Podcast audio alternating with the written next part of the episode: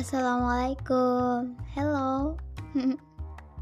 ya, ah, ketemu lagi di podcast selanjutnya. Jadi selamat mendengarkan semua teman-teman semua.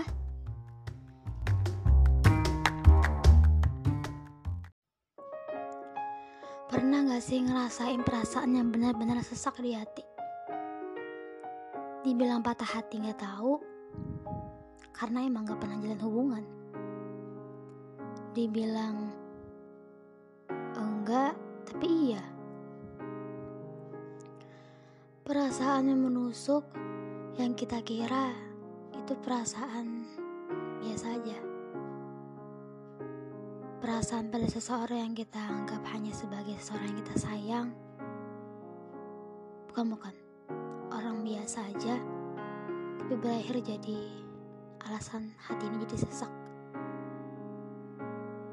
Sesak ketika melihat dia udah punya pacar aja. Tapi di satu sisi lagi mencoba untuk ikhlas dan bahagia kalau emang itu jawabannya. Karena katanya dia sama pasangannya banyak berubah dan ngebuat dia jadi yang sekarang. Aku mencoba menjadi seseorang yang lagi-lagi mengikhlaskan suatu hal yang emang gak pernah dimiliki di awal. Satu hal yang aku pikir ya biasa-biasa aja, tapi ternyata cukup menyakitkan ketika udah ada seseorang di, di hidupnya. Dan apalagi apalagi apa? Kayaknya ini definisi mencintai dengan segala keterbatasan. Aku mencintainya, tapi aku gak bisa berefort apa pun. Aku mencintainya, tapi hanya bisa aku simpan baik-baik di tempat suatu hal yang gak pernah dia tahu. Aku mencintainya dengan dengan cukup dia bahagia, walau mungkin itu bersama orang yang dicintai.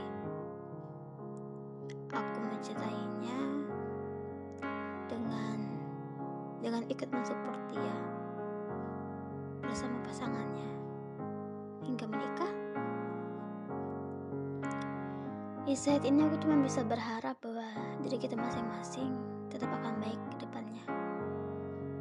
Dalam artian, seiring berjalannya waktu, aku mohon pada semesta untuk perasaan ini disudahkan saja.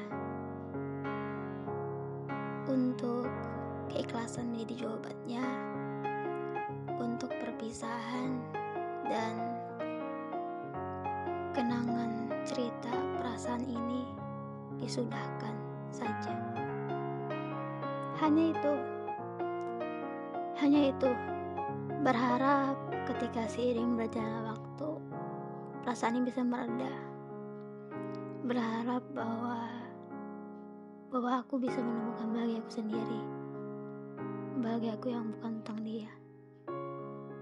Ya walaupun sebenarnya bahagia itu luas ya. Bukan cuma tentang percintaan. Maksudku adalah bahagia yang dalam kisah percintaan itu udah gak ada tentang dia gitu. Dan mungkin sekarang bukan lagi tentang nggak harus dia, tapi gimana tentang nggak harus dia.